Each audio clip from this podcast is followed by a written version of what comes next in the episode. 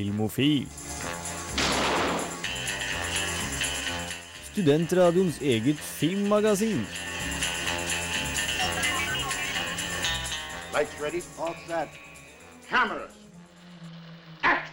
Ja, hei og velkommen til kveldens utgave av Filmofil her på Radio Revolt. I dag har vi litt begrensa bemanning i studio, men vi skal nok eh, klare å få på plass en bra sending allikevel. Eh, vi skal snakke om noe så spennende som bokadaptasjoner og andre adaptasjoner. eh, for så vidt. Eh, for Sunniva har vært og anmeldt 'Snømannen', så det blir spennende. Mm. men ja, med meg i studio så har jeg på teknikk i dag. Henning. Og selvfølgelig vår eh, faste regissør Spire. Sunniva? Og mitt navn er August. Jeg tror vi har en bra sending på lager for dere, så det er bare å glede seg og bli her på kanalen. Men uh, først så tenker jeg vi åpner med en låt. Vi hører Magnus Beckmann med 'Bruises'. I don't care anymore. Ja, og her på Filmofil så åpner vi som vanlig med hva vi har sett i det siste. Og Sunniva, har du, eh, har du sett noe spennende siden forrige uke?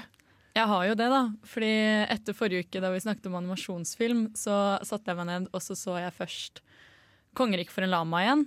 Den har jeg ikke sett siden jeg var liten. Eh, og så så jeg også 'Moana' for første gang.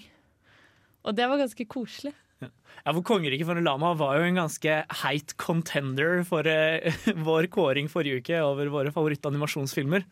Og ja, det er en utrolig kreativ liten greie.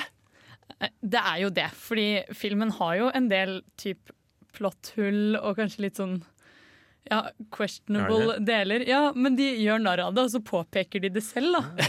Så det er liksom litt sånn greit, for de bare Ja ja, det der vi akkurat gjorde nå, det er egentlig ikke mulig. Men, men, la oss gå videre med historien, liksom. Jeg, jeg føler at det er en vits som går litt over hodene til ungene. på en måte Ja, jeg tenkte ikke på det der. Nei. var syv, liksom. nei, det er en helt herlig sekvens der mot slutten hvor de, de, de har sånn kappløp tilbake til uh, hovedstaden. Uh, Kusko og han derre uh, Kronk. Pacha. ja. og Kronk og Isma, som er liksom de slemme. da Eh, På et tidspunkt så faller Kronk og Isma rett ned i et stup.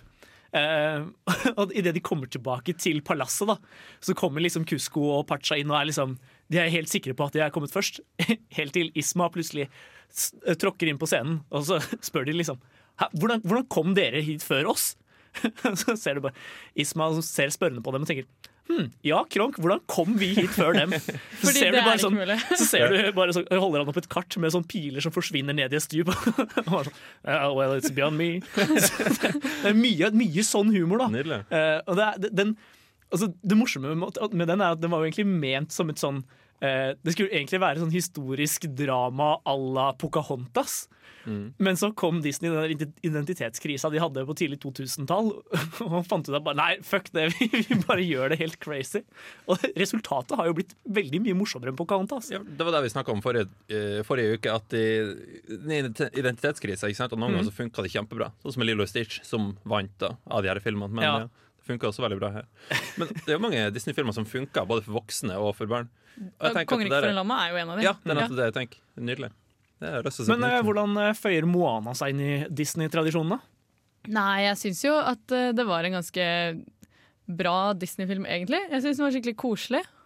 Kan du forklare plottet? Um, altså Det er en jente som vokser opp på altså Er det Hawaii? Det er i hvert fall en sånn tropisk øy. da Det skal være Hawaii, tror jeg. ja. Ok. Uh, Og så vokser hun opp der med familien sin, hun er arving til tronen og sånn. Og så er det hele tiden sånn at hun trekkes mot havet og har lyst til å dra ut da istedenfor å være igjen og passe på folket sitt. For hun er jo ung og blir trent opp til å være leder. da Uh, Og så er det noen sånne gamle guder som har hatt en sånn konflikt. da Og så bestemmer hun seg for å gå og løse opp den konflikten fordi at øya hennes begynner å dø pga. den konflikten. Så for å redde folket sitt så må hun liksom bryte ut i det ukjente. da Så det er masse bra. Det er girl power og Ja. Og så catchy sanger! Ja, for musikken er jo skrevet av selveste Linn Lin-Manuel Miranda. Miranda. ja. ja, men det er Sting som synger. Nei, det er Eh, kanskje oh, ja. 'Kongerik for en lama', det. Det, er, Det er 'Kongerik for en lama'. Det tror Ja, jeg det nok tror jeg det, heller, altså. Ja. Eh, det blander dem jo, siden jeg så dem rett etter hverandre. Skal du si at Det minner litt om Lille havfruen, egentlig, bare motsatt. Ja, Trekk ut av havet eller trekk mot havet. ja, litt. Jeg så en sånn video om det, hvordan de eh, er motsetninger på mange måter. Lille havfruen har jo en, eh, liksom, ja, en hjelper som er krabbe, mens Moana slåss mot en krabbe. Og Men ja, det var, det var jo mye prat da den, den ble nominert til Oscar for beste ø, originalskrevne sang. Og da var det veldig mange som trodde at eh, Eller det var mange som håpet at Linn Manuel Miranda kunne bli den yngste noensinne til å vinne en EGOT. Det vil si både en, en eh, Oscar, en Grammy Emmy. og en Emmy og en sånn Tony. Tony. Ja. Eh, for han har alle de tre andre. Eh, han ble, Hamilton slo han, altså. Det, det, det, det ble liksom eh, et mye større konsept enn man skulle tro. Og nå, nå sitter han der på en måte som en av de mest, kanskje den mest kjente musikalartisten i USA. Var det ikke to eh, si, nominerte til den her å få alle de prisene, Emmy, Tony osv.? Ja, Det husker jeg ikke. Men det var vel eh, han som, Den som vant, var vel eh, City of Stars, Ja. eller noe sånt? Ja. Jo, det Ja, så det, det ble ikke noe, ble ikke noe EGOT, dessverre. Kanskje neste gang. Kanskje neste gang. La oss håpe. Det er Linn Manuel Miranda har fortsatt eh, mye å by på, tror jeg. Han ja, er aktuell nå med sånn derre uh, release Eller sånn eh, Hjelp Puerto Rico-sang. Han er fra Puerto Rico sjøl. Men eh, nå er det på tide å høre en låt. Vi skal høre Masa Solo med 'Blackie the Blue'. There from the start, hidden somewhere deep within. Ja, velkommen tilbake til Filmofil her på Radio Revolt. Og eh, vi snakker som vanlig om ting vi har sett i det siste. Og Sunniva, har du, har du Nei, sorry, der snakka vi om i stad. Henning, har du sett noe spennende? litt hva skal jeg kalle det? Jeg, jeg, har ikke sett film, men jeg, for et par uker siden så søkte jeg opp et klipp av Shawshank Redemption på YouTube. Og etter det så har det dukka opp klipp etter klipp etter klipp av Shawshank Redemption. Og jeg tror det gjelder flere filmer. Det gjelder Whiplash og Matrix òg. Så i løpet av et par uker så tror jeg jeg har sett de tre filmene. Men jeg er ganske sikker på at altså, når du ser sånn YouTube-klipp, så er de ofte klippet på litt forskjellig måte. Sånn at den YouTube-videoen har åtte minutter av den scenen, mens den har bare seks minutter. Så blir det ofte sånn overlapp mellom de videoene. Så jeg tror netto så har jeg brukt mer enn to og en halv time Eller hvor lang den filmen er på å se den filmen. Så jeg har brukt mer tid enn jeg trengte, da, når jeg egentlig bare kunne ha satt meg ned og se filmen i stedet. Ja, For det hadde jo vært lettere å bare Har, du, har du filmen? Nei, Nei. det er ikke det. Men det, Det er streames jo på det er ikke Netflix. Det er ikke vanskelig å finne. Nei, det er ikke liksom. det. Jeg, jeg, tror det, jeg tror det meste av det der er sånn som finnes på eh, tilgjengelige Ja, det tror jeg. plattformer. Det tror jeg. Men ja, var det et positivt gjensyn? Ja, altså, jeg syns det er litt kjedelig at folk eh, spør hva er favorittfilmen din, så ser de veldig ofte Shawshank Redemption. Og det syns jeg er litt kjedelig svar, Fordi ja, den er god, selvfølgelig, men Den, er, ikke, den er veldig Altså, jeg, jeg, jeg skjønner hvorfor den ligger øverst på IMDb sin topp 250, for den Ja. er veldig vanskelig å mislike. ja. Um, men det gjør den ikke til sånn voldsomt interessant heller. Jeg ble skikkelig skuffa over den første gang jeg så den. Fordi at alle hadde hypa den sånn. liksom Og Ja, sånn, Det er verdens beste film. Ikke sant? Ja. Og så bare Nei, ja, den er helt OK, men den er ikke, den er ikke verdens beste film. Ja, Liksom. nei, Men alt som blir presentert som verdens beste film, kommer til å bli en nedtur. Altså, det er, Ja. det, det, sånn er det alltid. Eh, Vi snakker mye her på Filmofil om hype, men det er, Ja. det er virkelig ikke til å komme bort fra at hype har mye å si. En venninne av meg som etter hun så Arrival, skrev en sånn gruppechatting med meg Dere må se den her er verdens beste film. Det er beste hun noen gang har sett. Men det var akkurat idet hun kom ut av kinosalen. ikke sant? Når jeg så den. Ja. Jeg likte den selvfølgelig, men den her tanken om at det skulle være den beste filmen hun noen gang har sett, det ødela det litt. Det er Det er en noe med det, ass.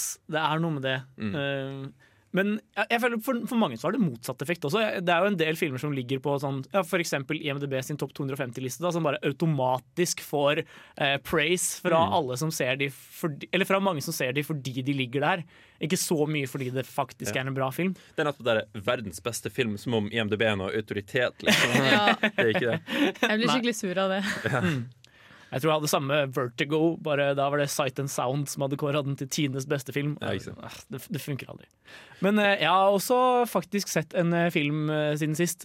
Eh, jeg har jeg, er veldig glad i Wes Anderson, men jeg har hatt et gapende hull i Wes Anderson sin filmografi som jeg ikke har fått sett, og det er Darjeeling Limited. Men denne uka fikk jeg endelig satt meg ned og sett den, og det var en positiv filmopplevelse. Den er jo kjempefin. Den er det! Og altså jeg, jeg er jo veldig svak for slow motion som virkemiddel, sånn generelt. Og er det én film jeg har sett bruke slow motion på en morsom måte, så er det Darjeeling Limited. Eh, Det handler jo om tre brødre som ikke har sett hverandre på årevis, som tydelig kommer fra en meget dysfunksjonell familie. Som Eh. Wes Anderson-filmer flest. Ja, ikke sant. Det, familierelasjonen der er aldri liksom på topp. Eh, Men i hvert fall de, de skal prøve å finne moren sin i India, som de ikke har sett siden før farens begravelse. Eh, Og de driver og kjører tog rundt. Og hver eneste gang de skal av eller på det toget, så må de løpe etter toget mens det har begynt å kjøre, og hoppe på bakerste plattformen. Alltid i slow motion, alltid med kofferter, og det ser alltid dritgøy ut. Åpningsscenen også er noe av det eh, morsomt, eller noe av det jeg har ledd best av på film på veldig lenge. Det begynner med liksom Bill Murray som kjører i en taxi så fort han bare kan for å rekke toget. Og så begynner han liksom Og så ser du han liksom står i billettkøen og skal kjøpe seg billett, og så bare nei, shit, der går toget, og så løper han av gårde. og så plutselig han begynner å nærme seg toget, så kommer eh, Adrian Brody ut av ingenting og løper forbi han og kaster seg på toget, og så ser vi ikke mer til Bill Murray i den filmen. Han bare forsvinner, okay. liksom. Det er så, Det scenen hans. ja, ja, ja. Eh, min det er min favoritt eh, Murray-cameo til nå, tror jeg. Er det, er det Bill Murray som også er med i den derre Zombieland? Jeg skulle akkurat Fordi å si det. der også Det er han jo også sånn bare så vidt med, og så bare Nei. nei. jeg, digger det. Du Det forventa det ikke fordi det er Bill Murray, liksom. Ja. så, ja. Med en gang han blir introdusert, så forventer du liksom at det skal være huge, Ja. og så bare Nei. Det er jo dritfunny. Ja, det er en veldig artig måte han Jeg vet ikke om det, jeg kan spoil Zombieland, men han, han dør jo, ikke sant? Og det er en veldig artig måte det skjer på. Ja, jeg, jeg, jeg, jeg har litt ambivalent forhold til akkurat den scenen. Fordi de, Det er de liksom de, de dreper Bill Murray, og så bare ler de av det etterpå. Liksom. Jeg, jeg, jeg, jeg er ikke med på den menneskelige reaksjonen der. Det skal Men, jo være eh, slag i trynet. Ja, det, jeg, jeg, jeg syns det hadde blitt bedre hvis de på en måte hadde brukt anledningen til å liksom si sånn Oi, det her, var, her var det plutselig faktisk seriøst. Ja, men, men. Nå er det på tide å høre en låt igjen her på Radio Rolt. Vi skal høre Sara og Arash med 'Danse, danse'.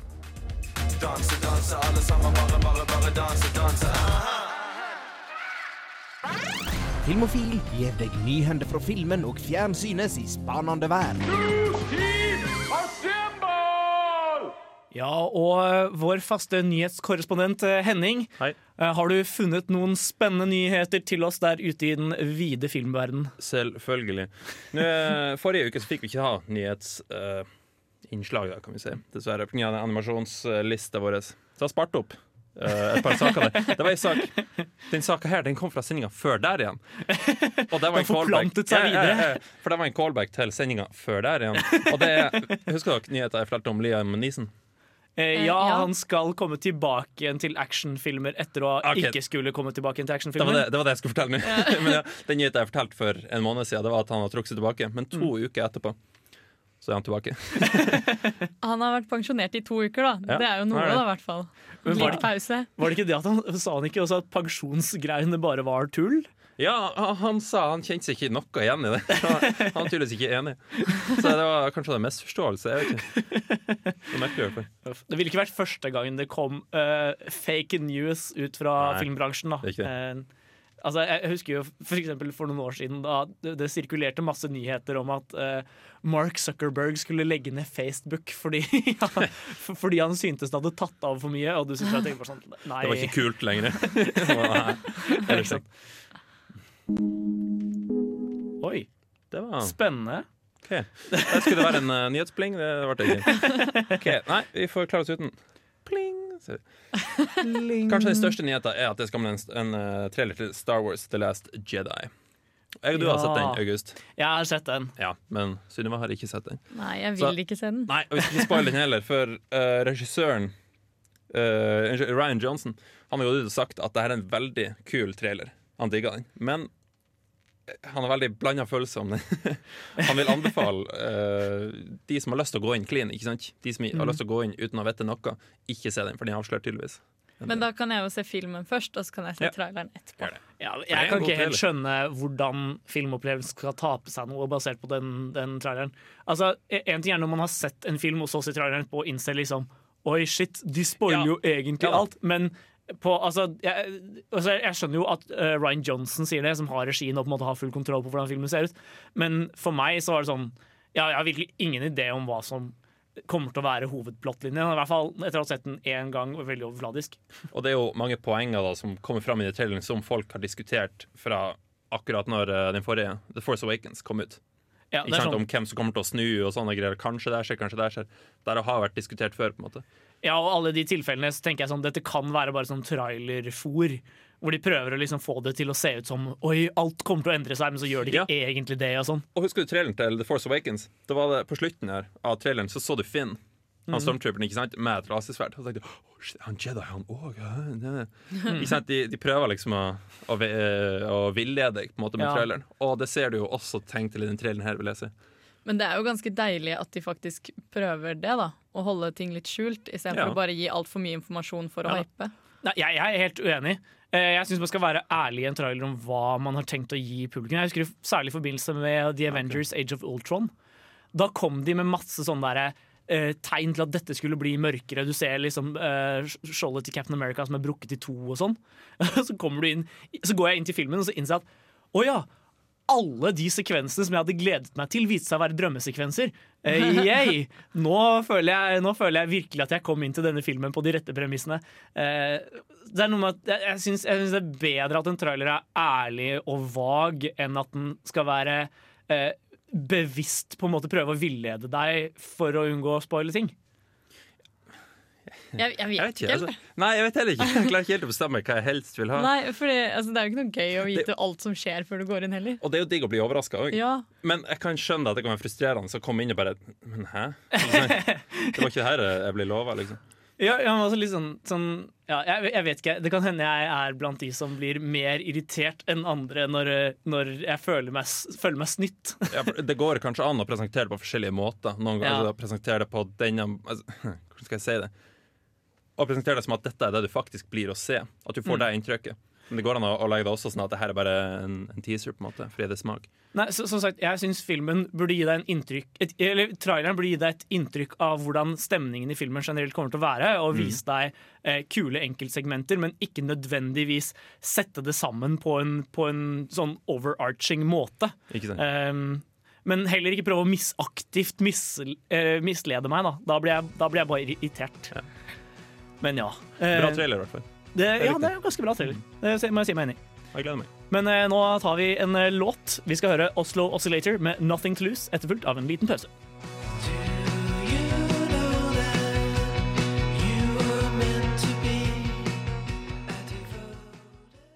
For et program i burra med både klasse og stil. Du hører Ja, og eh, her på Filmofil så snakker vi om eh, nyheter fra den store, vide film- og fjernsynsverdenen. Og Henning, har du, noe, har du noen flere nyheter til oss? Selvfølgelig. Eh, en ganske stor sak for meg personlig, og det gjelder sikkert dere òg, at Game of Thrones leter etter skuespillere i Norge til små biroller. Og det, det er tre små roller. Det er ei eh, ei frekk jente, eller frekk slash sexy jente. var Jeg tar den. sånn. Ja, jeg skal ta den. uh, og ei eh, litt eldre jente, også vakker, antageligvis, sto det vel. Uh, begynnelsen av 20-årene i tillegg. En mannlig vakt som har replikker. Oh, Ja. Så jentene har ikke det. Det sto ingenting om det. Det sto i hvert fall at vakten skal ha noen få replikker. Det er sikkert sånn at uh, mannen skal snakke, og jentene skal kunne være nakne. Tipper jeg. Sikkert. Sikkert. Det pleier å være sånn det funker. Jeg tror, jeg tror hun, eh, hun der yngste jenta Hun skulle ha noen replikker, Fordi hun, det sto liksom hun skulle være sassy eller frekk. Eller hva det var for noe sånt. Ja. Og det får du ikke fram uten ord. Ikke sant? Du kan eh, gjøre det med blikk og sånn. Ja, kanskje. Mm. Jeg finner dessverre ikke noe dato på Eller, eller søknadsskjema, for den saks skyld. Men eh, når jeg finner det, så skal jeg, skal jeg si ifra. Jeg, jeg, jeg, bare, jeg bare ser for meg det å, å fylle ut søknadsskjema for å kunne være med i Game of Thrones. Sånn. Jeg søkte jo for å få en, en birolle i uh, Hva heter? Downsizing? Hva den heter Den filmen med Christopher Waltz og, og Ja, den, den Alexander Payne-filmen. Ja, stemmer. Den søkte på fordi det var folk i Lofoten. De skulle filme noen scener i Lofoten, i, i Kvalvik eller hva Nei, et eller annet sted. Mm. Da søkte jeg. Fikk ingenting. De lette etter skjeggete, skjeggete uh, høye menn. Nei, jeg var høy, men jeg var ikke særlig Du skjeggete. var ikke så skjeggete? Nei, dessverre. Ja, ja, ja. Du skulle klistra på et løsskjegg, så kanskje, kanskje du kunne fått rollen likevel. Kanskje. Kanskje det. Nei, videre. Eh, ganske stor sak som har pågått en stund. Det er produsent Harvey Weinstein. Det har dere sikkert hørt om. Han er anklaga Ja. for Ja. eh, seksuell, uh, seksuell trakassering. Jeg syns det er litt sånn fordi dette er jo noe som på en måte Eller plutselig nå sa alle sånn Ja, jeg advarte alle om at han var en creep. Av sånne Hollywood-damer og sånn. Ja. Og så er jeg litt sånn Ja, hvorfor har dere ikke liksom Ja. kommet ut Altså, hvorfor har ikke dette kommet frem før nå, da? Hvis alle visste om det. Ja. Det, det, det blir jo veldig fort altså, Hvor mange mennesker omgår ikke Harvey Weinstein? Som er, ikke sant? Ja. Og Hvis det der er først dukker opp, så er det selvfølgelig 200 mennesker han har møtt som har lyst til å si noe om det. Ja. Og da, det blir aldri å gi seg. Men vi kan jo kanskje kjapt si litt om hvem fyren er òg. Harvey Weinstein eh, stiftet The Weinstein eh, Company, som driver og lager sånne klassiske Oscar, uh, Oscar-bait-filmer. Jupp. Eh, ja, de eh, i senere tid lagd sånne ting som eksempel Imitation Game da, var uh, Weinstein Company. Men han har også vært direkte involvert i hvert fall The English Patient og ja, For å sitere uh, en amerikansk komiker så, Movies your mom like. mye, det han, mye det han har lagd. da. Så han er veldig sånn, han er veldig viktig karakter i Eller har vært veldig viktig karakter i Hollywood fordi ja, filmene hans har rett og slett vunnet veldig mange Oscarer. Eh, veldig mange priser og blitt veldig anerkjent. Eh, men eh, nå har han eh, fått sparken fra The Weinstein Ja. Company Yep. eh, på grunn av at han og, og, og sakene han har vært involvert i, har vært utrolig, utrolig ekle også. Det, vært, det, var, det var i hvert fall én historie om at han hadde eh, blotta seg for en dame og uh, sperra for utgangen og ejakulert i en potteplante. Det er litt sånn det er, det, er, det, er ganske, det er ganske drøye ting, da. Eh, så altså, hvis, hvis alle visste dette, så er det veldig rart at ingen har sagt noe om det. Jeg hørte eh, på ei Oscar-utdeling hvor eh, Seth MacFarlane, han som skapte Family Guy, hvor han, var, han presenterte, sant, så sa han et eller annet eh, Nominerte er blant annet disse damene. Og så sier han nå slipper dere å, um, å late som at dere liker Harvey Weinstein. Så, to år siden. sånn. Men det er jo litt sånn også at For jeg har hørt mange si sånn Ja, men kanskje de damene var for eh, tidlig i bransjen sin til å tørre å innrømme noe og sånne ting. Men når folk som Angelina Jolie sier hun har visst om dette lenge, så er jeg sånn Jesus. Da vet alle det, liksom. Ja. ja, og hun hadde i hvert fall ikke hatt noe Hun trenger ikke være redd for å si det. Nei, nei. Men apropos viktige damer, nå er det på tide å høre en låt. Vi skal høre Hei Erna. Det er deilig å vite at vi er trygge i landet vi bor i. Ja, og her på Filmofil skal vi nå bevege oss over i temadelen av vår sending.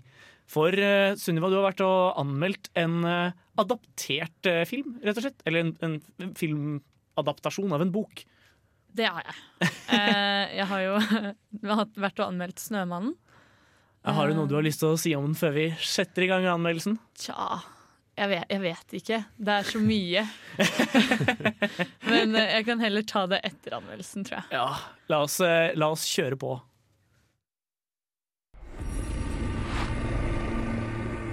A woman vanished last night. We just found the body. Prince? And the head is missing. 'Snømannen' er en sånn film jeg får litt vondt av å se. Med et stjernespekket cast, en prisbelønt regissør og Martin Scorsese som produsent, skulle man tro de kunne fått til noe bedre. De hadde med andre ord stort potensial, men har overhodet ikke klart å bruke det. Filmens handling starter i et lite hus midt i Norge et sted. Du får innblikk i en ung guds liv og mishandlingen han går gjennom. Når gutten ikke har det bra, bygger han snømenn. Dette var en start som straks fanget min interesse men kanskje i litt for stor grad. Når de allerede fra start introduserer morderens traumer og psykiske problemer, ble jeg sittende resten av filmen og lete etter en karakter med de samme karaktertrekkene. Når morderen i tillegg ikke lever opp til de personlighetskvalene den ble introdusert med, faller hele plottet sammen for min del. He calls himself the Snowman Killer. He's completely insane. Likevel er det selve utførelsen jeg har mest problemer med. Jeg hadde gledet meg til å få et friskt pust inn i norsk filmbransjes monotone forhold til krimfilmer. I min oppvekst har det sikkert kommet et titalls Varg VM-filmer, og jeg har sett fem-seks av dem, men klarer ikke å skille de fra hverandre. 'Snømannen' kunne like godt vært enda en av disse. Det at det er en Hollywood-produksjon, øker på ingen måte filmens kvalitet. I transferred from missing persons. Harry Hole. We studied your cases at the academy. They date back that far. Yeah, you're up there with the legends. Det beste med filmen er Michael Fassbenders tolkning av karakteren Harry Hole. Fassbender klarer å fremstille Hole slik jeg opplevde han i bokserien. Noe jeg setter stor pris på. Men dette er fortsatt ikke nok til å løfte filmen ut av gjørma. De andre skuespillerne gjør heller ikke spesielt minneverdige prestasjoner. På tross av at de er svært kjente skuespillere jeg personlig er stor fan av fra før. Det er ikke det at de spiller dårlig, men mer det at karakterene deres er tomme og meningsløse. JK Simmons spiller f.eks. en rolle som en slebrig og ekkel politiker, men på tross av at handlingene hans ikke virker særlig hyggelige, var det ikke en karakter som skremte meg større. Når man i tillegg relativt fort etter introduksjonen skjønner at han ikke er morderen, blir hans rolle i det hele relativt likegyldig. Tell me, I think it's the falling snow that sets the killer off. then who does he leave the snowman for? Building snowmen, cutting things up into little pieces, that's what a child does to establish order. 'Snømannen' er på mange måter et eksempel på en film jeg tror hadde vært bedre om den var norskprodusert. Om man liker krim, ville jeg nok sett den, men vær så snill, ikke forvent deg noe ekstraordinært. Hollywood leverer ikke alltid. A call just came in. There's another missing woman. We got the missing persons call? Who's missing? Sylvia Otterson. I'm Sylvia Otterson. Why would someone report you missing?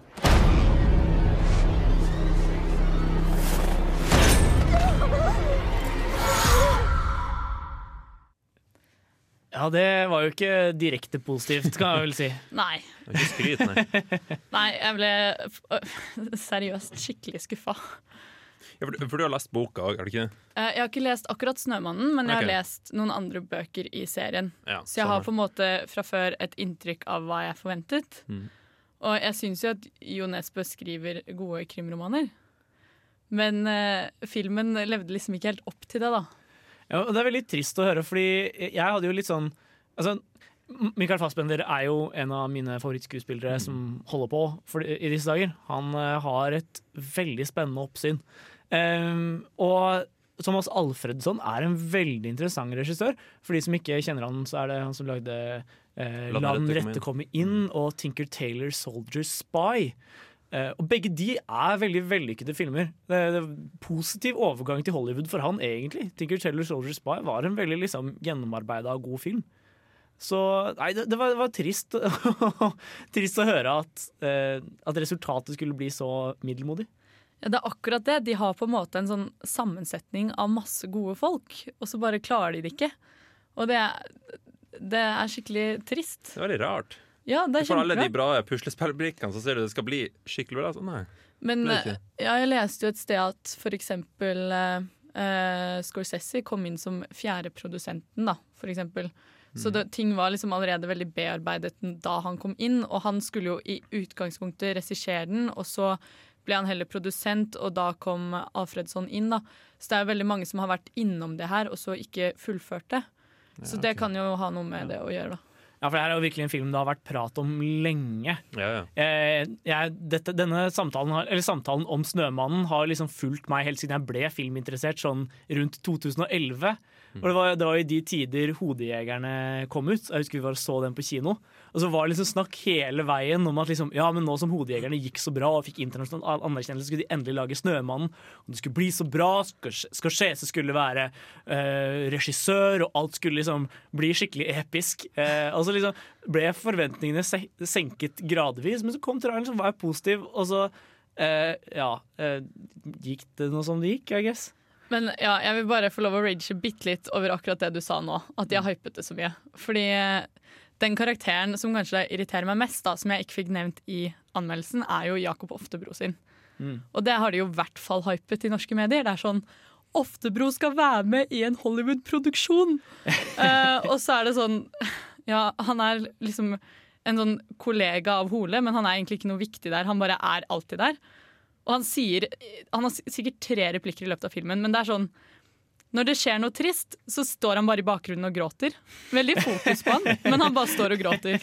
Og så er det en scene hvor liksom hun ene dama ser på han, da, som, hun er jo mye viktigere, og da sitter han sånn og flørter med henne. Så da er han der bare som sånn flørteelement. Og så er det en scene hvor liksom Harry Hole trenger en bil. Så da er bare Jakob Oftebro sånn Her, ta bilen min. Spør ikke hva han trenger den til, eller noen ting, liksom. Og det er jo en biljakt. Jeg ville ikke lånt bort bilen min til det, da. Jeg må, jeg må brenne en bil. Har du en bil engang? Det var så meningsløst. Men det er jo veldig typisk norske medier. da Jeg, altså, jeg husker f.eks. for eksempel da Kristoffer Joner skulle være med i The Revenant, øh, og alle snakket om at Oi, shit, Kristoffer Ja. Joner skal være med i The Revenant. Det var jo liksom Ja, han, han var der, men jeg, ja det, det var ikke noe mer enn det, på en måte. Men ja, for de har jo også med hun fra Broen, Sofia Ha et eller annet. Mm. Hun som spiller Saga i Broen, i hvert fall. Og hun syns jeg er skikkelig flink. Og hun er også med i en veldig liten rolle, men hun har på en måte en viktig del av historien, da, og da er det på en måte greit. Men Oftebro sin rolle kunne vært strøket, og det hadde ikke gjort noe forskjell. Så en studie i miss, eller dårlig brukt potensial der, altså. Ja. ja, ja. Det, men jeg lurer nesten på om jeg må se den allikevel. Ja, du må vel det. Vi skal i hvert fall høre en låt. Vi skal høre NAO med 'Nostalgia'.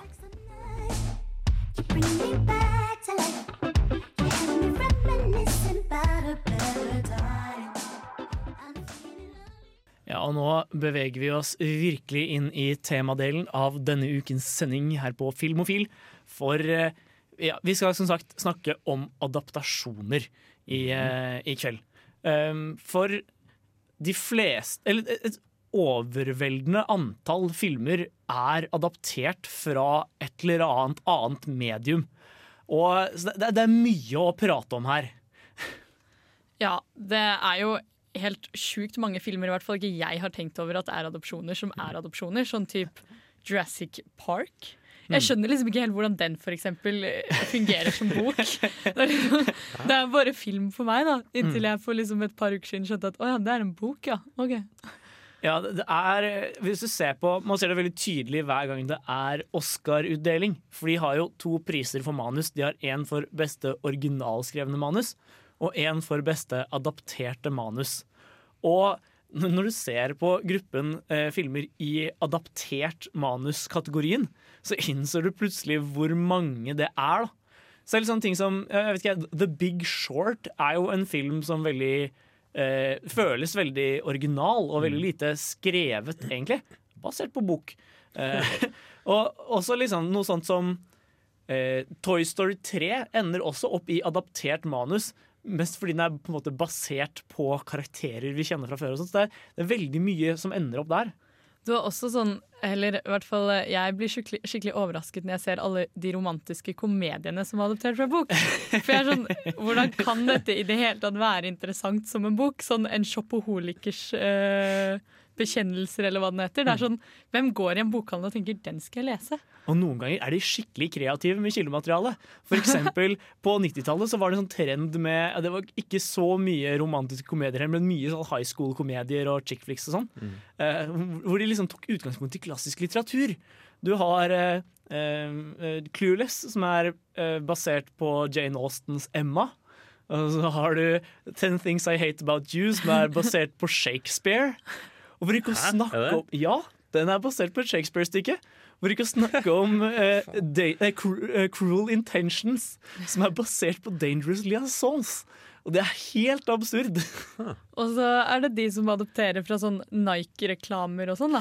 Ja, ja, for det, Space Jam er basert på Nike-reklamer. Det var, var det, Var det ikke det? Nike? Ja, det, var i hvert fall reklame Nike. for en eller annen sko. Det har blitt film.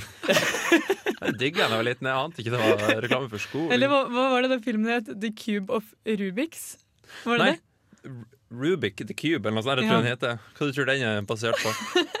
Nei, eh, jeg, jeg undres.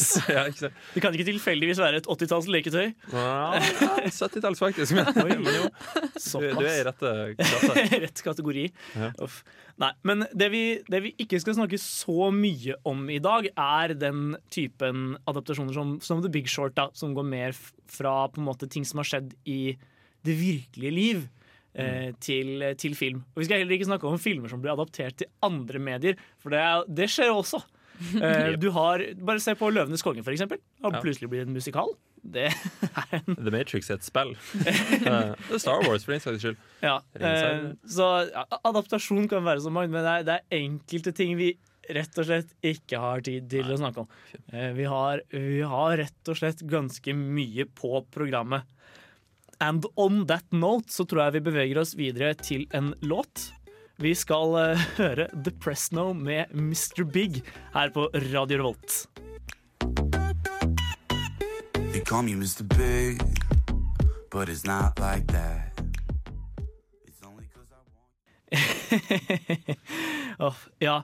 Ehm, det som Eller det vi skal uh, gå litt inn på nå, er mer uh, adaptasjoner som er tro mot kildemateriale.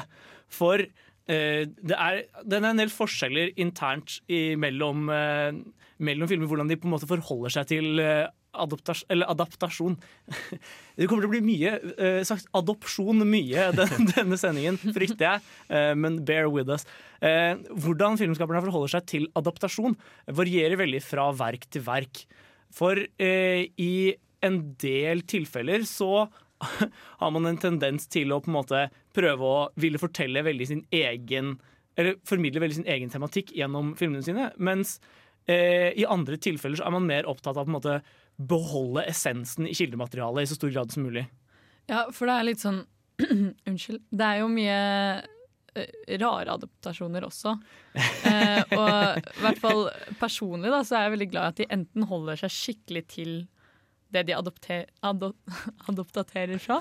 Adapterer. Adopterer fra. Eller at de gjør noe liksom helt annet. da. Mm. Uh, jeg for eksempel er skikkelig glad i Poirot. da. Mm. Og det er jo sånn, det er enkelt å adaptere. For da er det liksom sånn bitte liten bok. Det er ikke så veldig mye du trenger å gjøre med det. liksom. Så, så lenge du holder plottet, så er det liksom greit.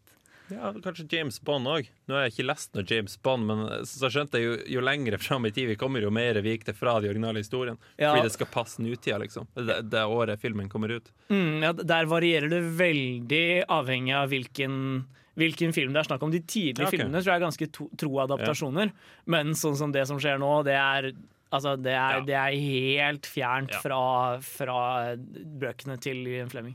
Ja, I bøkene så vil de jo aldri Eller de går jo aldri inn på James Bond sin bakgrunn. Og det er jo en vei de har begynt å gå inn på nå. liksom. Ja. Ja. Så det er jo helt vidt forskjellig fra boka. da. Bortsett fra bokserien jeg leste som barn, som var uh, Den unge James Bond. Er det også en bokserie? Det var, det var en bokserie. De var ganske, ganske underholdende bøker. Uh, ikke liksom det jeg sitter igjen med sterkest minner fra, men uh, Hvorfor er det ikke lagd film om det? det, jeg tror ikke det passer inn i canon lenger, det, med Skyfall og alle de greiene der. Um, men et annet eksempel på adaptasjon som er ganske tro til på en måte, i hvert fall essensen i kildematerialet, syns jeg da er Harry Potter-serien. Men der er jeg ganske uenig, da. Ja, hva hva er, hva er dine problemer med det? Nei, det er jo litt det at uh, bokserien ikke var ferdig da filmene begynte å komme. Så det er en del ting som på en måte Da de begynte å lage filmene, så var jeg ganske sånn Ja, OK, jeg er enig i at det kan droppes, og det kan droppes. Og så følte jeg at de var ganske tro. Men når de senere bøkene da kommer ut, og ting som var relativt uviktig i bok én eller to, plutselig blir veldig viktig, da, så prøver de å dekke over det at de har feila med å gi den informasjonen. Og da begynner det å feile. Så jeg syns liksom at i de tidligere filmene så funker det, men ikke i de senere, da. Ja, for jeg, jeg er helt uenig i det. Jeg syns jo egentlig den fungerer bedre og bedre som adaptasjon jo lenger ut man kommer. Altså, eh, selvfølgelig så mister du mer og mer fra bøkene fordi man skal komprimere liksom, Man går fra å komprimere 200 sider inn til to timer til å komprimere liksom 1000 sider inn på to eh, Eller ikke 1000, To men timer. Eh, inn på to timer. Og det, det er en forskjell. Eh, men jeg syns de har klart å beholde på en måte hovedbudskapet og hovedtendensene i veldig stor grad. Da. Eh, når jeg ser de siste to filmene, så er det sånn Ja, dette, dette er jo det de prøvde å si. Og det var på en måte det som var viktigst for meg, da, at de skulle, skulle få med. Og jeg føler også at de har vært ganske flinke med karakterene. da til å få karakterer som på en måte ja, føles som de som står i bøkene. Jeg syns jo de henter seg veldig inn på de to siste filmene, altså bok syv. Mm. Men eh, jeg syns der det glipper, er jo tidvis de bøkene som er veldig tykke, da. Type Ja. femmeren og til dels sekseren. Hvor de plutselig legger inn en krig som ikke var der, men dropper en krig som var der, og sånn fra bøkene og sånn. Og da blir jeg litt sånn eh. Ja, Jeg er enig i at det finnes, det finnes rare ting der. Det, Ja. det gjør det helt klart. Men eh, sånn overall da, så føler jeg at eh, eh, Harry Potter-filmene som øvre er veldig eh, er veldig i tråd med kildematerialet det er basert på. da. Eh, sånn har det i hvert fall alltid føltes for meg gjennom oppveksten. Det er jo ganske greit med Harry Potter også, siden de har hatt med JK Rowling. Ja. Eh, I motsetning til f.eks. Snømannen, hvor Jo Nesbø sier at nei, det er ikke min eh, film. Han sagt det? ja. Oh, ja, det skal, ikke være, det skal ikke være greit å uh, adaptere. Men uh, nå tar vi en låt. Vi hører Tønes med 'Vottane' her på Radio Revolt. Ligger en plass i skuffa i lag med hue og skjerf. Det er jo alltid å ha musikk når den er påtent. Helst noe indisk eller pakistansk. Ukas filmlåt. Og ukas filmlåt denne uka kommer fra eh, en filmserie som er veldig spennende å snakke om i forbindelse med adaptasjon, fordi de har gjort så mye rart. Eh, og vi skal selvfølgelig snakke om eh, Middle Earth-universet. For eh, der har de på en måte kjørt begge innfallsvinkler. Du har eh, Ringenes herre-trilogien, selv hvor selv, selv om de har endra mye, så er den nokså tro på en måte til essensen av hva, hva, hva kildematerialet var. Mens så kom Hobbiten-filmene for, for litt siden, og da hadde det skjedd en del. Ja, for jeg føler at de Stemninga passer veldig bra ikke sant? i Lord of the Rings, den Mm. trilogien. ikke sant? Men så tror jeg når de så på Hobbiten og skulle begynne å filmatisere den, så tenkte jeg hva var det som funka sist gang vi gjorde noe Middle Earth-greier? Ok, det var den stemninga der. Altså, ok, Vi bør skrive om Hobbiten da til det.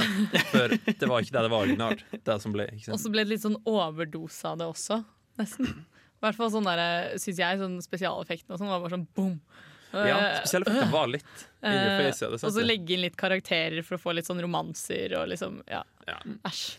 Men eh, det må sies da, eh, min mor er over gjennomsnittlig stor Tolkien-fantast. Ja, um, og hun hevder det at etter å ha lest alle Unfinished Tales og en del av de andre tilknyttede verkene, så har hun forstått at de faktisk la ganske mye arbeid inn i å prøve å liksom eh, ja, lage et univers rundt Hobbiten som var så tro til bokuniverset som mulig. Mye fordi eh, Tolkien selv skrev jo Hobbiten først, uten en plan om at det skulle bli noe mer. Og så kom Ringenes herre og var plutselig noe helt annet. Så måtte han prøve å flette Hobbiten inn i ettertid. Eh, og det hadde han gjort med ganske mange av de samme virkemidlene som de bruker i, i Hobbiten-filmene. Ikke at det er et godt forsvar, for de fungerer ikke som filmer i det hele tatt. I hvert fall ikke etter min mening. Eh, men uh, det er i hvert fall interessant å ha med seg. Da. Jeg vil jo si at når du tar en bok på hvor mange sider er det? 200 sider eller noe, mm. og gjør det om til tre filmer, så går det liksom motsatt vei av det problemet man vanligvis har, hvor man har for mange sider på kort tid. Da. det er Eh, det er jo helt absurd rart eh, at de i det hele tatt prøvde på det. Det ble kanskje mange sånn kjærlighetsdrama sånn her, som du ikke helt brydde deg om. Ja. Det er ikke til å komme helt bort fra det, ass. Men eh, i hvert fall, i hvert fall Ringenes ære'-trilogien syns jeg er et veldig imponerende stykke adaptasjon. Da. Eh, rett og slett fordi altså, det, det ble jo snakket om som en ufilmbar bokserie i alle år. Og så kommer Peter Jackson, en sånn horrorfilmregissør fra New Zealand, og sier nei, det skal vi gjøre! og så, Det at de fikk det til så bra som de gjorde, det er nesten ufortjent. Men eh, jeg tror vi hopper rett til musikken. Vi skal høre 'Concerning Hobbits' fra eh, The Fellowship of the Ring.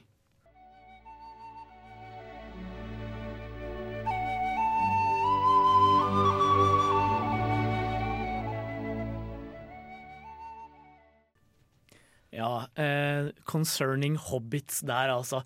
Howard Shore sitt soundtrack til 'Ringenes herre'-filmene er rett og slett bare til å fortape seg i. Det er utrolig mye vakre melodier der. Men eh, nå skal vi videre i sendingen. Vi skal snakke om adaptasjoner som gjør det motsatte av 'Ringenes herre'. Følger mer i sporene til 'Hobbiten'. Nemlig de som eh, ja, går i en annen retning og eh, ikke, ikke bryr seg så mye om kildematerialet sitt. For det er mange filmskapere som mener det at når man adapterer et annet verk, så skal man ikke bry seg om kildematerialet i det hele tatt. Man har fått et filmmanus som er basert på det. Manusforfatteren kan, kan forholde seg til kildematerialet så mye de vil, men liksom når man er i gang med regien og skuespill og sånn, skal man ikke lenger bry seg om kildeverket, fordi eh, man skal tross alt tilpasse et nytt medium. Det høres sånn ufattelig vanskelig ut hvis du har et forhold til det du skal lage film om. Sånn, jo, men sånn, Ja, ja, for ja. eksempel da de skulle Chris Columbus med den første Harry Potter-filmen. Hvis, hvis han hadde lest boka, da, så hadde jeg aldri klart å legge fra meg liksom, det jeg har lest, og så bare Dette handler om en gutt som er trollmann! det, hadde ikke gått, ass. Mm. Nei, men men jeg syns ofte det er en litt sånn irriterende kritikk når folk uh, sier sånn Ja, nei, men boka var mye bedre. Fordi det, det Da på en måte Da undervurderer du filmmediet veldig, da. Det, det er på en måte ikke meningen at du skal få det samme som du får i, i en bok når du ser en film. Det er greit, nok at, det er greit nok at uh, filmen skal uh, være bra, men den burde få lov til å være bra på sine premisser. da Uh, Og ikke være liksom automatisk dårlig fordi den ikke hadde med alle scenene man så i bøkene. Men det føler jeg kommer veldig an på også, fordi at hvis, de, hvis du merker at de virkelig har prøvd å gjøre det så likt som boka som mulig, så føler jeg at jeg kan bli skuffa over at filmen ikke er like bra som boka. Men hvis de har gått en annen retning og prøver noe nytt, da, da må man jo se det som to forskjellige ting. på en måte. Ja, det er det som er, ikke sant? Kan, at filmen er lik boka, og at filmen er bra eller ikke, det er to helt forskjellige ting. spør Du meg. Du, må, du kan ikke bare bare Ja. gi boka til en skuespiller og si 'vær så god, du er du den karakteren, og så du den karakteren', og så lag filmen. Det går ikke an. Ja, Men- det, det er veldig få eksempler på det. Eh, Sin City er kanskje det eneste. Ja, Der har Det- tatt direkte bilder fra originalverket. De bare gadd ikke? å skrive screen Nei, de gadd ikke å skrive storyboard. De bare, de bare brukte bildene fra Ja, ja. Eller tegneserien som storyboard. Tok et bilde av det, altså. ja, filmen. Mm. Men eh, jeg syns jo ofte de avvikende adaptasjonene er blant de mest interessante. Vi snakka mye om eh, Fantastic Mr. Fox forrige uke. Men jeg syns det er et veldig spennende eksempel på at man kan på en måte gjøre noe annet ut av filmen enn det, uh, enn det boka var. da. Eh, For de som ikke hørte sendingen, så handler Fantastic Mr. Fox om en rev som skal ta vare på familien sin i møte med noen skumle bønder som har eh, lyst til å kverke dem, rett og slett. Og i, i Roald Dahl sin opprinnelige bok er en ganske enkel sånn det er Nesten en ren thriller hvor de skal prøve å komme seg unna hele ti- eh, disse skumle bøndene hele tiden. Mens i filmen så har Wes Anderson bare gjort det til sånn familiedrama i klassisk stil. Eh, Jeg skulle til å si det. Typisk Wes Anderson. Men eh, i hvert fall de, de gjør den til noe veldig mye mer da, enn det kildematerialet egentlig var. Og det gjør den jo egentlig vel så spennende. Da. Ja, fordi Wes Anderson gjør den jo veldig til sin egen, da, både stilmessig, men også som du sier, storymessig. Og det gjør at eh, eh, eksempel det at han legger inn den litt sånn voksne undertonen, da, gjør at den blir veldig interessant for voksne også. Så han skaper jo på en måte mer eh, en sånn familiefilm, da, på mange måter, enn det kanskje Altså boka retter seg kanskje enda mer mot barn, da. Og jeg vet ikke, andre, andre eksempler på at de på en måte tar det ganske langt bort fra det materialet det er basert på, er jo eh, Nå kom jeg inn på det jeg sa vi ikke skulle snakke om, da, men de som er basert på virkelige hendelser. Der er det jo ofte det man blir kritisert for også. Man har vært litt vel kreativ med, med virkeligheten. Eh, jeg tenker for eksempel på ja, The Imitation Game. Eh, hvor de på en måte har tatt karakteren Ja. Alan Turing og gjort han til en veldig annen person enn det han, enn det han egentlig var. Eh, det, det, det er et eksempel på at det ikke alltid funker like bra heller, da. Men uh, ja, det, det, kan, det kan slå veldig begge veier, er vel kanskje poenget mitt. Noen ganger så er det, å, det å avvike fra kildematerialet en god idé, mens andre ganger så er det ja, noe man burde unngå. Men i hvert fall nå skal vi høre to låter på rappen. Vi skal høre Who's She av Top 8, etterfulgt av Screaming Females med Black Moon.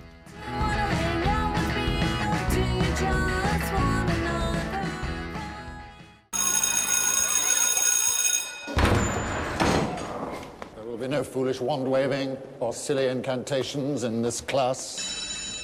No, okay, that's it for the day then. Today, we have a similar debate over this. Anyone know what this is, class? Anyone? Anyone? Anyone seen this before? Ukens hjemmelekse.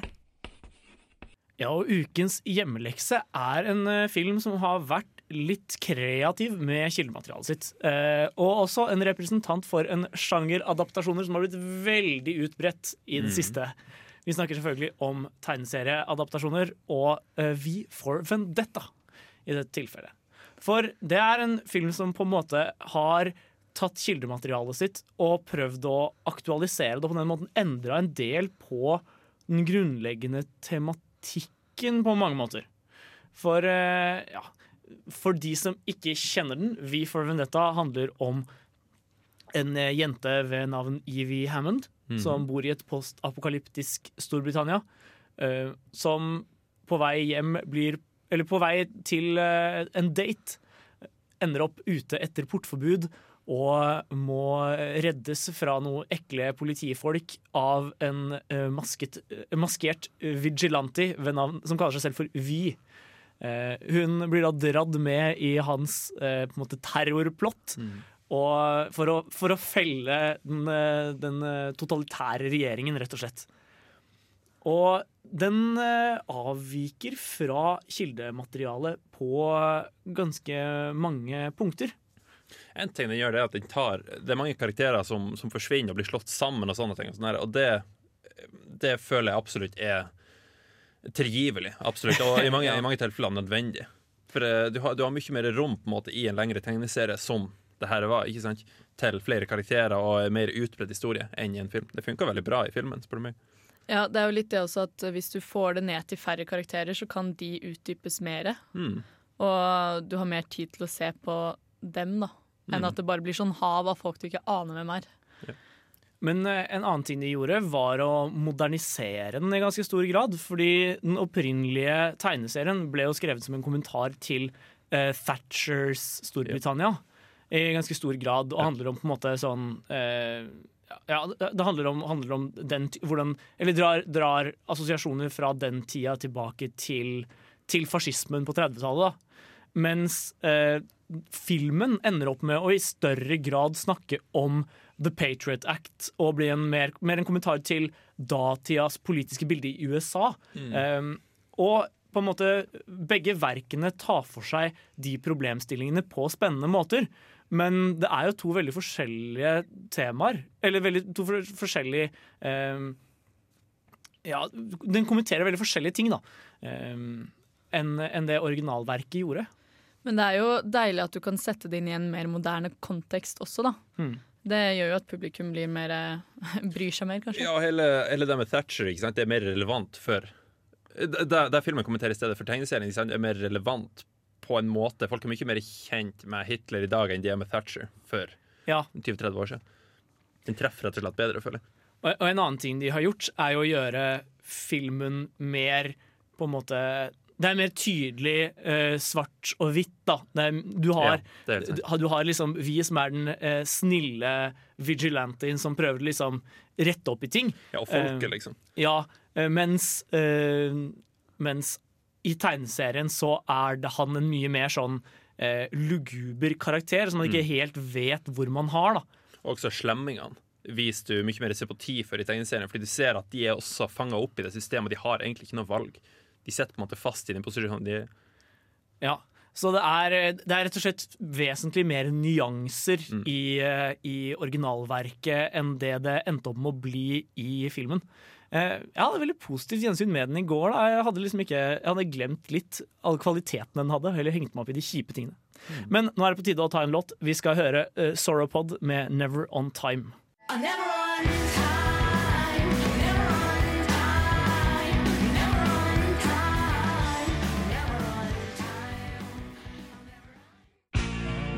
Hei!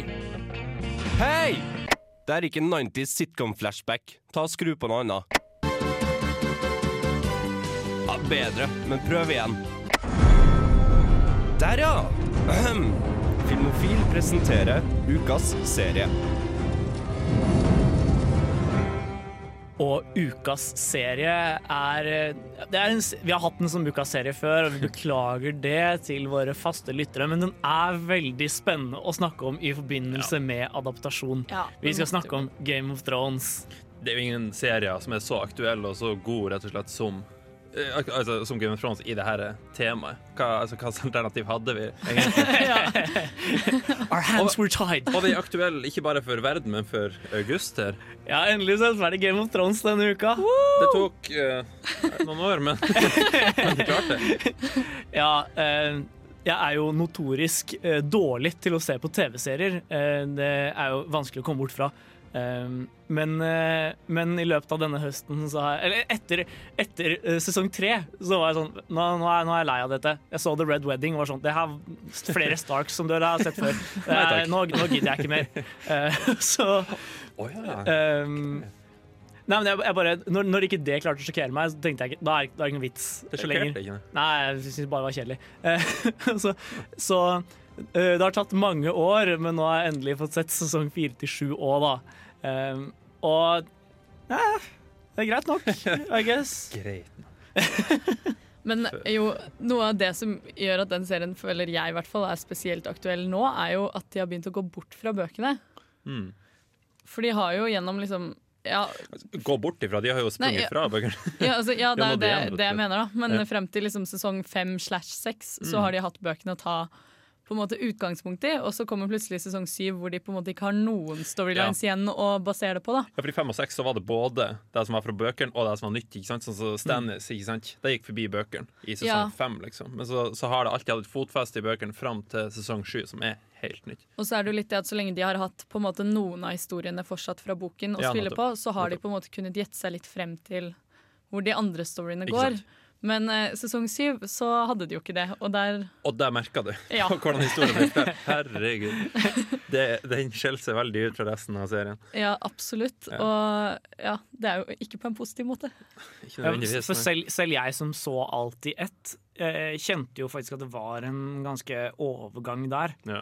For, altså, de, de andre sesongene glir bare over i hverandre. Jeg har ikke egentlig peiling på hva som skjer i sesong fire, eller hva som skjer i sesong seks, på en måte. Ikke Eh, Alt det glir liksom over i hverandre, men jeg vet ganske tydelig hva som skjer i sesong sju. Det er litt sånn som Star Wars er for meg, faktisk. En Liten digresjon her. Det at episode fire til seks ikke sant? De, er veldig, de går veldig i ett for meg. Mm. Men jeg, jeg vet forskjellen på fire til seks og én til tre, for eksempel. ja. Nei, men det samme gjelder Game of Thrones. Mm. Sesong to og tre, for eksempel, de går litt i ett for meg. Én har en tydelig slutt, ikke sant? så du vet det, men ja. Det er også litt sånn eh, Hvis jeg skal begynne å rage litt over adop adoptasjonen her, da, eh, er jo at eh, de har begynt å endre karakterene en del fra hvordan de er i boka også. Ja. Det, det plager meg, altså. Eksempel. Eh, eksempel når eh, man i serien ser Jamie voldta Cersei over liket Ja. til Joffrey. Ja. Og det i boken er Cersei som voldtar Jamie over liket til Joffrey. Det er en ganske stor forskjell, det der. Altså. Om det er det- mm, dama som voldtar mannen, eller mannen som voldtar dama. Og på personlighetene deres også, så er det huge difference. Ja, og ikke bare personlighet deres, men hele story-arken. For da Ja. var Jamie tilbake, han mangla handa si, og da var han på vei til å bli en sånn god fyr, som du ser mye mer tegn til nå. Mm. Men en, en annen ting jeg syns er spennende å påpeke her, er rett og slett det at man ser en så stor uh, storformat, eller storskala og langformat TV-serie som er basert på øh, tydelig kildelitteratur hele veien. Ja. For det gjør faktisk serien veldig mye mer interessant. Mye av mitt problem med TV-serier er de som på en måte ikke egentlig er basert på noe, men hvor de liksom lagde en sesong, og så funka det, og så tenkte de kult, la oss fortsette med dette eh, helt til folk går lei. Og da blir det veldig kjedelig etter hvert, og veldig repetitivt, og ting gir mindre og mindre mening. Mens i Game of Thrones så merker du på en måte hele tiden at de skal et sted, da. Eh, og det setter jeg veldig pris på, eh, selv om det fortsatt ikke er mitt medium, da. Ja, for det er jo litt sånn Det er jo mange serier hvor de bygger opp liksom sånn OK, første episode til siste episode, og så er det liksom en eller annen sånn big greie i siste episode som bare Å, sesongavslutning. Men i Game of Thrones så er det jo helt tydelig at de bygger opp til siste episode, siste sesong, på en måte. Eller altså Ja, jo, jo, men sånn Som for eksempel at de ofte legger spenningspunktet til nest siste episode i sesongen, og så har de heller siste episoden til å liksom ta seg inn litt og bygge opp til neste sesong, da. Istedenfor å på en måte avslutte med en sånn bang, og så skal du sitte der i halvannet år og vente på fortsettelsen. Jeg, jeg husker eksempel at jeg syntes avslutningen på første sesong var veldig sånn Å ja, er vi, er vi ferdige nå? ja. Men et, et eksempel på det motsatte var eh, Dexter. Ja. Hvor de har liksom kjempegod plan hele første sesongen. Og liksom du, du, du, alt skal gå opp til slutt, og så er den ferdig. Og så tenker du liksom Ja, men nå, nå er de jo ferdig. Hva skal de gjøre nå, da? Men Dexter er også en av de seriene som bare flyter ut til slutt, og hvor du ikke skjønner en Ja. dritt, og hvor siste sesongen bare går rett i havet, rett og slett. Praktisk talt. Rett i Eh, skogen. ja.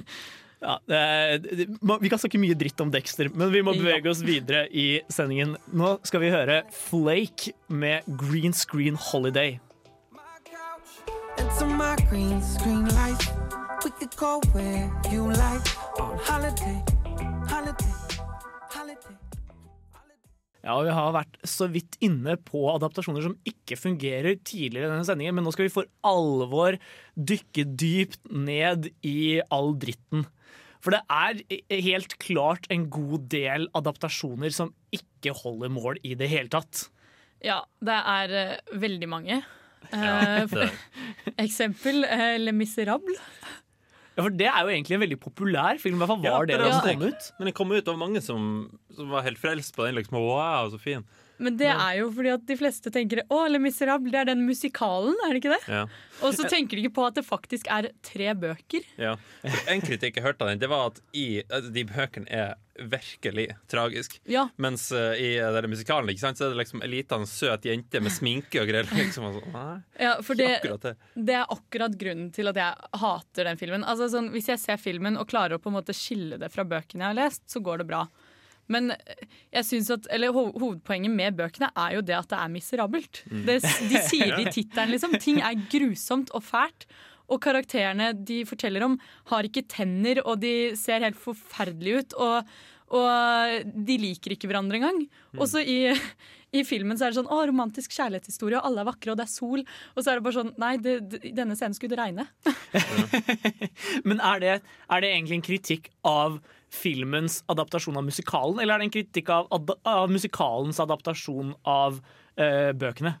Det blir jo på en måte begge deler, da. Eh, altså Jeg skjønner jo at musikalen er stor og fancy, og alt mulig sånn, men jeg tenker at når du skal lage en film av det, da, så hadde det vært litt kult om du gikk litt bort fra musikalen og faktisk tok utgangspunkt i boken, men samtidig hadde med sangene. Mm. Det kunne fungert veldig bra. og det er jo litt sånn, En musikal på en scene gjør at det kanskje må bli mer teatralsk. da. Mens hvis du skal vise det på film, så har du mye mer mulighet til å vise Ja. det groteske.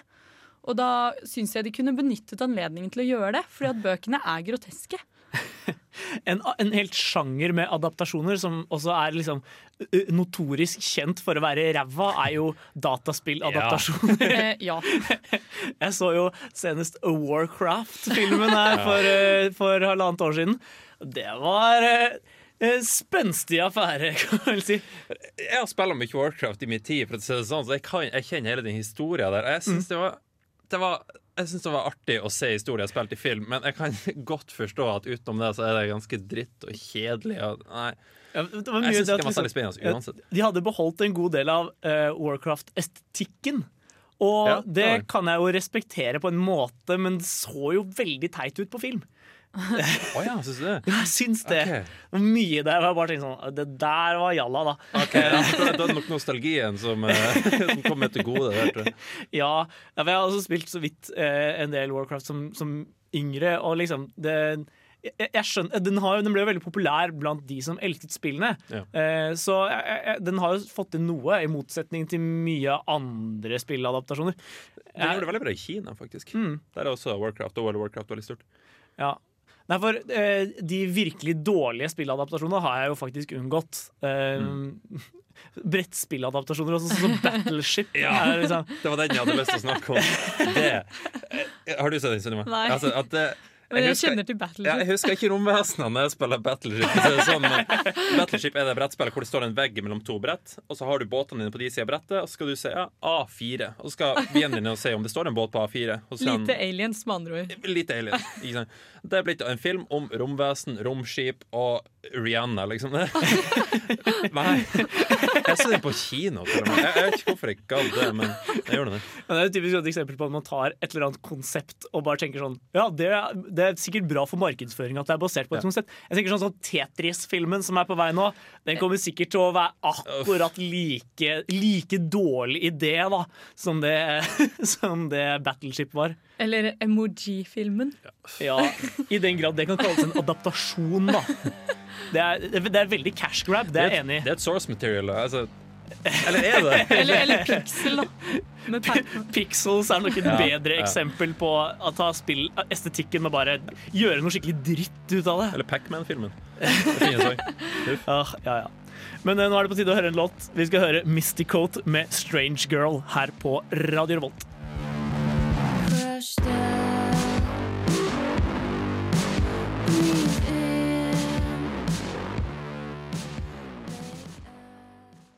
Og sånn på vei ut her, eh, så tenkte vi at det var på tide å diskutere våre favorittadaptasjoner. Dette er ikke våre favorittfilmer som er adaptert fra et annet verk, men mer eh, ja, adaptasjoner vi føler fungerer godt på sitt vis. Og Sunniva, har du noen favoritter å komme med? Uh, ja, det har jeg. Uh, Series of Unfortunate Events er jeg veldig glad i. Eh, jeg leste bokserien, ikke hele, men noen av de som barn. Eh, og det er jo typ bøker på ja, 100-150 sider. Og det er jo et eksempel på både dårlig og god adoptasjon. Fordi det kom en film på sånn starten av 2000-tallet hvor de slenger inn de tre første bøkene i én film med Jim Carrey og Meryl Streep, og bare smekker inn eh, et plott, og det fungerer jo ikke. Men det kom jo en serie av det i fjor som jeg syns fungerer skikkelig skikkelig bra. Hvor de har klart å fange litt den dystre og litt sånn teatralske stemningen i boka, da, og det setter jeg veldig pris på. Det, er, eh, ja, for det, det var, sånn, det var Netflix-serien. Hvem var det de hadde i uh, Neil Patrick hovedrollen? Neil Patrick Harris er eh, den onde greven. Ja. Og han er veldig god. Det, Den har jeg hørt Ja, mye snakk om. Den uh, burde ses. Uh, det de gjør, er jo at de tar to episoder per bok, da. Så en varm anbefaling der, altså. Ja. Men uh, Henning, har du Jeg blir nødt til å si Watchmen. Det har jeg nevnt før som favoritt på et eller annet nivå. Men uh, jeg har ikke lest comic-bøkene. Jeg, jeg leser ikke mye comic books eller bøker for den saks skyld. Du kan få låne den av meg. Ah, du har den? Ja, jeg kjøpte den på et tidspunkt. ja, oh, ja. Har ikke lest den heller, da. Nei, men, nei, nei, kult.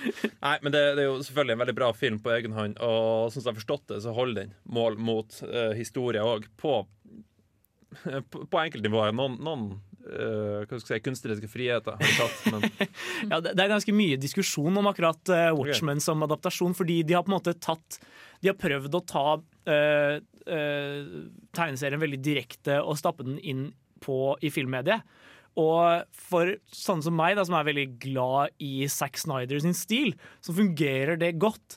Men Zack Snyder er jo en polariserende karakter. Mm. Så veldig mange føler at han på måte, hans overfokus på action og en del sånne ting tok mye fra, fra original... Eller tok eh, mye av gleden ut av verket, da. Ja, sånn så at eh, det med superheltene, på en måte. Mm. At i, i, I serien så er de egentlig ikke superhelter, de har ikke noen krefter.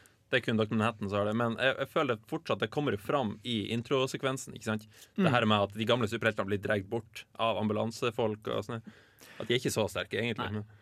Jeg har også en, eh, en, eh, en adaptasjon jeg har veldig lyst til å snakke litt om, og det er eh, 80-tallsfilmen Clue. Basert på brettspillet Cluedo. Og du skulle tro at det var en kjempedårlig idé, men det er kanskje det eneste tilfellet jeg har sett hvor de har klart å ta på en måte spilllogikken på alvor da, inn i filmmediet. Eh, Fordi den, den, den har på en måte Bare som at den har tre forskjellige slutter. Som, så den hadde forskjellig slutt i forskjellige kinosaler. Oi. Og når, når, da jeg så den på Netflix, så fikk jeg alle tre sluttene etter hverandre. Og det er kjempegøy, for du ser liksom sånn derre Aha, her har vi oppklart mysteriet, og så kommer det eller kanskje det egentlig var sånn at Og så kommer neste slutt. Og så holder de på sånn, da. Har de fortsatt de der morsomme navnene? Sånn eh, Frøken Blåklokke og sånn fra spillet? Vet du hva, det husker jeg ikke. Men, men alle karakterene er på en måte like karikerte da, som de skal være i brettspillet. Og liksom Ja, det er noe med at det er, noe med at det er, et, det er så sjelden Altså, I Battleship-filmen da, så tar de på en måte ikke Battleship sin eh, spillogikk og bruker det i filmen på noen måte. Mm. Eh, mens i eller, og bruker det narrativt på noe vis. Mens i Clue da, så har de virkelig klart å, å trekke, inn, eh, trekke inn logikken fra, fra Ja. Clue og, og gjøre det på en vellykket måte. Det er rett og slett en veldig underholdende film. Det er ikke et mesterverk på noen måte, men, men den er rett og slett bare Den er bare gøy. Så- Sikkert litt nostalgisk også. Ja, men for meg har Clue aldri vært et viktig brettspill eller noe. Det er koselig, da. ja, det, er, det er mer bare det at det er liksom en koselig og morsom liten greie. Men eh, nå tar vi en låt. Vi skal høre Black Pistol Fire med Blue Dream.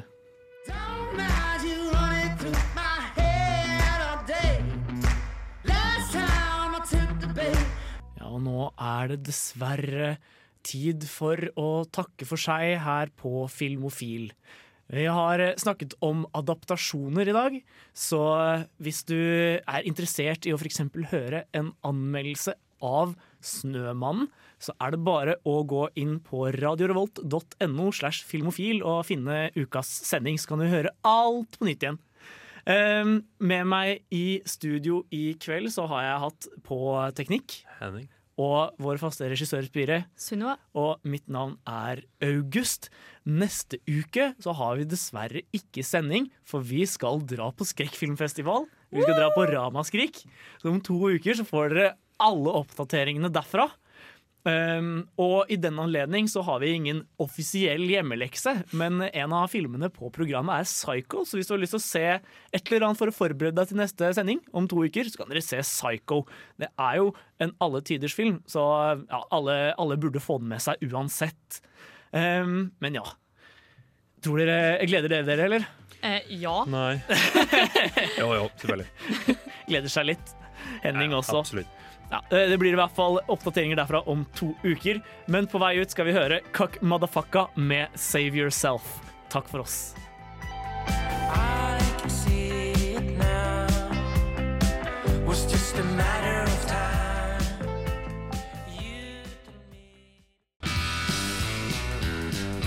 Du lyttet nettopp til en podkast fra Radio Revolt. For å høre flere av våre podkaster, gå inn på radiorevolt.no.